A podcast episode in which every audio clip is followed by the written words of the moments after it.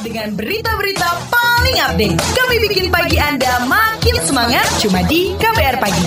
Jadi puluhan tahun cemari kali gandong LSM di Magetan tuntut pengolahan kulit ditutup. Selengkapnya bersama kontributor KBR sudah ada Adima Sukoco di sana. Selamat pagi. Selamat pagi. LSM di Kabupaten Magetan, Jawa Timur menuntut pemerintah provinsi menutup kegiatan industri kulit dan produk kulit yang beroperasi di Kabupaten Magetan. Ketua LSM Swastika Rudi Setiawan mengatakan, pemerintah provinsi seharusnya menutup kegiatan pengolahan kulit di lingkungan industri kecil Kabupaten Magetan karena menyalahi aturan dan mencemari Sungai Gandong Magetan selama puluhan tahun. Menurut Rudi, dalam kegiatannya, lingkungan industri kulit di Kabupaten Magetan mengabaikan Undang-Undang Nomor 32 Tahun 2009, di mana perusahaan tidak pernah membuat laporan setiap enam bulan terkait penanganan pengolahan limbah industri kulit dan produk kulit. Puluhan tahun limbah dari industri kulit dan produk kulit yang dibuang ke Sungai Gandong menyebarkan bau busuk. Sebelumnya, Gubernur Jawa Timur Kofifa Indar Parawansa melakukan inspeksi mendadak ke instalasi pengolahan air limbah UPT Industri Kulit dan Produk Kulit di Kabupaten Magetan pada Kamis sore kemarin. Dalam kunjungannya, pemerintah daerah dan pemerintah provinsi sepakat untuk merelokasi kegiatan pengolahan kulit kulit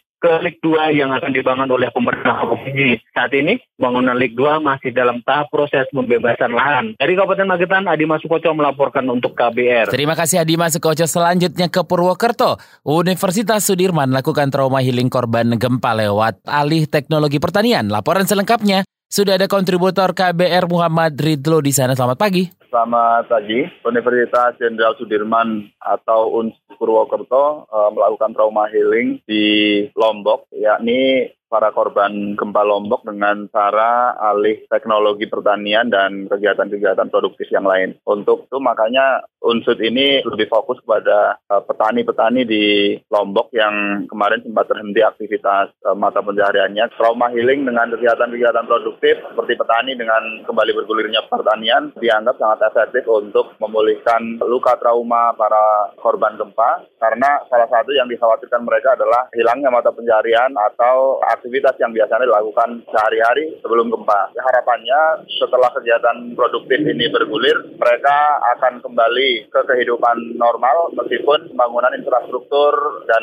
lain-lain masih berlangsung hingga saat ini. Demikian laporan Muhammad Ridho untuk KBR. Terima kasih Ridho. Terakhir kita ke Banyuwangi, PT Industri Kereta Api atau INKA targetkan produksi 4 kereta per hari di pabrik baru. Selengkapnya kontributor KBR Hermawan di sana. Selamat pagi. Selamat pagi. PT Industri Kereta Api atau INCA menargetkan produksi 4 kereta per harinya di pabrik baru yang berada di Desa Ketapang, Banyuwangi, Jawa Timur.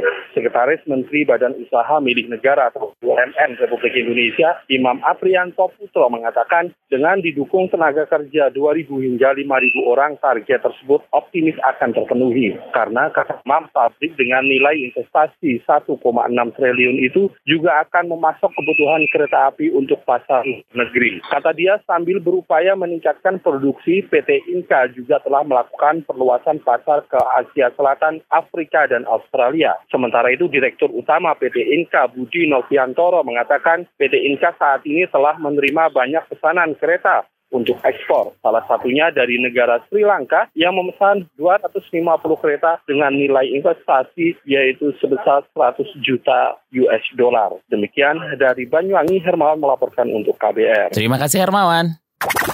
KBR, inspiratif, terpercaya.